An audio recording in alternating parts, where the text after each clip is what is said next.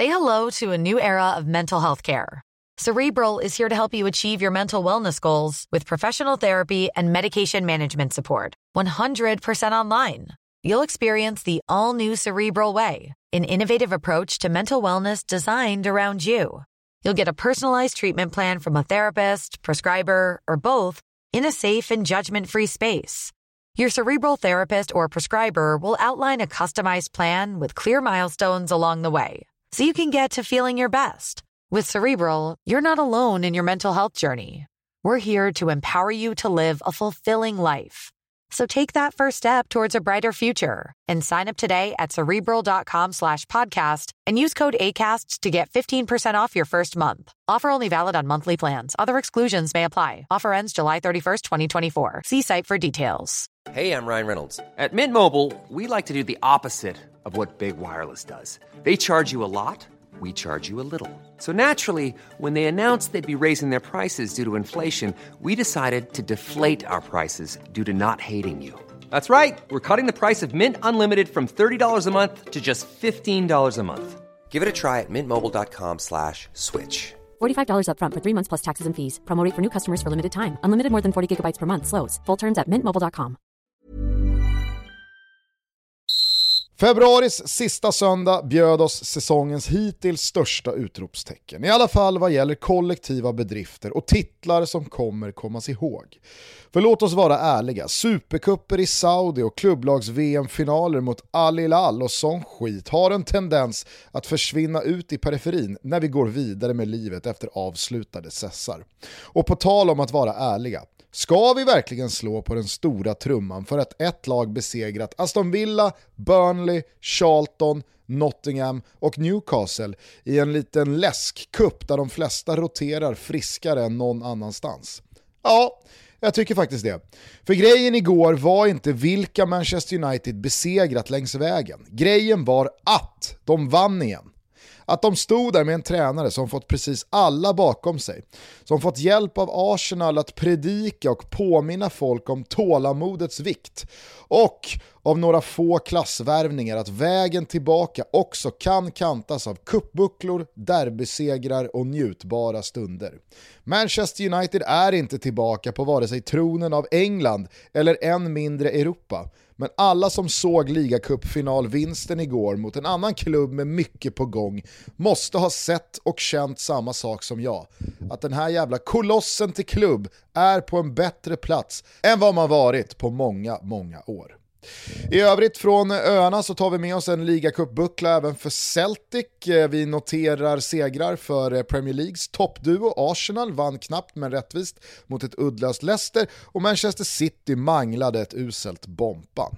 Leeds och West Ham tog båda två livsviktiga segrar i eh, bottenstriden. Liverpool stod för en ny håglös, undermålig och poängtappande insats utan tendenser till någon slags kämpaglöd och Harry Potter, äh, förlåt, Graham Potter trollade fram ännu en förlust för Chelsea, även denna gång utan att göra mål framåt. Och även fast alla Spurs där ute tänker att vi nu ska hylla Oliver Skip, så är faktiskt den stora grejen efter den här matchen vad fan Chelsea pysslar med. I eh, Spanien så hände det grejer, minst sagt. Betis inledde omgången med att vinna igen. Madrid-derbyt dagen efter slutade 1-1 efter ett kontroversiellt rött kort för de rödvita och Alvaro Rodriguez första mål för Real Madrid. Ruben Barajas Valencia tog äntligen en seger igen. 1-0 mot Real Sociedad via självmål av Igor Sobelja var kanske inte vackert. Det var ingen propaganda, men det var blod, svett och tårar bakom den trean och ibland så är de de vackraste vinsterna som finns. Söndagen bjöd sen också på ett par knallar då Sevilla förlorade hemma mot succégänget Osasuna, Girona släckte Athletic Clubs CL-drömmar, men framförallt Barcelona torskade mot lilla Almeria och bjöd således in Real Madrid i titelstriden igen. Vilken jävla pissvecka för Xavi och hans gubbar. Aj, aj, aj. I eh, Tyskland så stämde Bayern i bäcken mot Union Berlin. Urs Fischer, ni vet Union Berlin-tränaren, han var tydlig efter 3-0 på Allians. Vi hade inte en suck, inte en chans, inte en sportmössa, inte en currywurst. Bayern var två, tre klasser ovanför oss idag. Tydliga jävla Urs. Dortmund med en bortaseger mot Hoffenheim och Foppen med 1 plus 1 i Leipzigs seger över Frankfurt gör att vi faktiskt har den mysigaste toppstriden i Bundesliga så här års på flera år. De som trodde på något liknande i Ligue 1 efter PSGs svajiga start på 2023 får tänka om efter Le Classique igår. Kylian Mbappé är för dagen helt enkelt för bra för att något annat franskt lag ens ska kunna störa PSG. Tillsammans med en viss Lionel Messi så slet de Marseille i stycken och känslan och intrycken var verkligen att Kylian Mbappé hade kunnat gjort fem mål ifall han velat. Bayern är nu varnat och matchen i München kan verkligen bli något alldeles speciellt.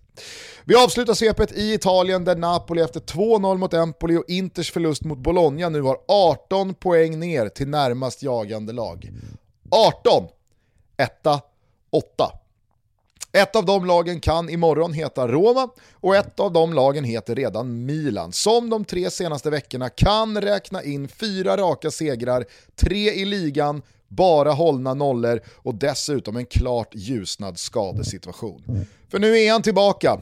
Den spelare som präglat generationer, som enligt väldigt många, men kanske främst sig själv, är den stora skillnaden på att komma tvåa och att lyfta pokaler. Comebacken har dröjt, folk har undrat, tvivlat, tvekat, men nu, nu är det återigen San Siros potatisåker under fötterna på en av de största som någonsin spelat sporten. Mike! Men ja...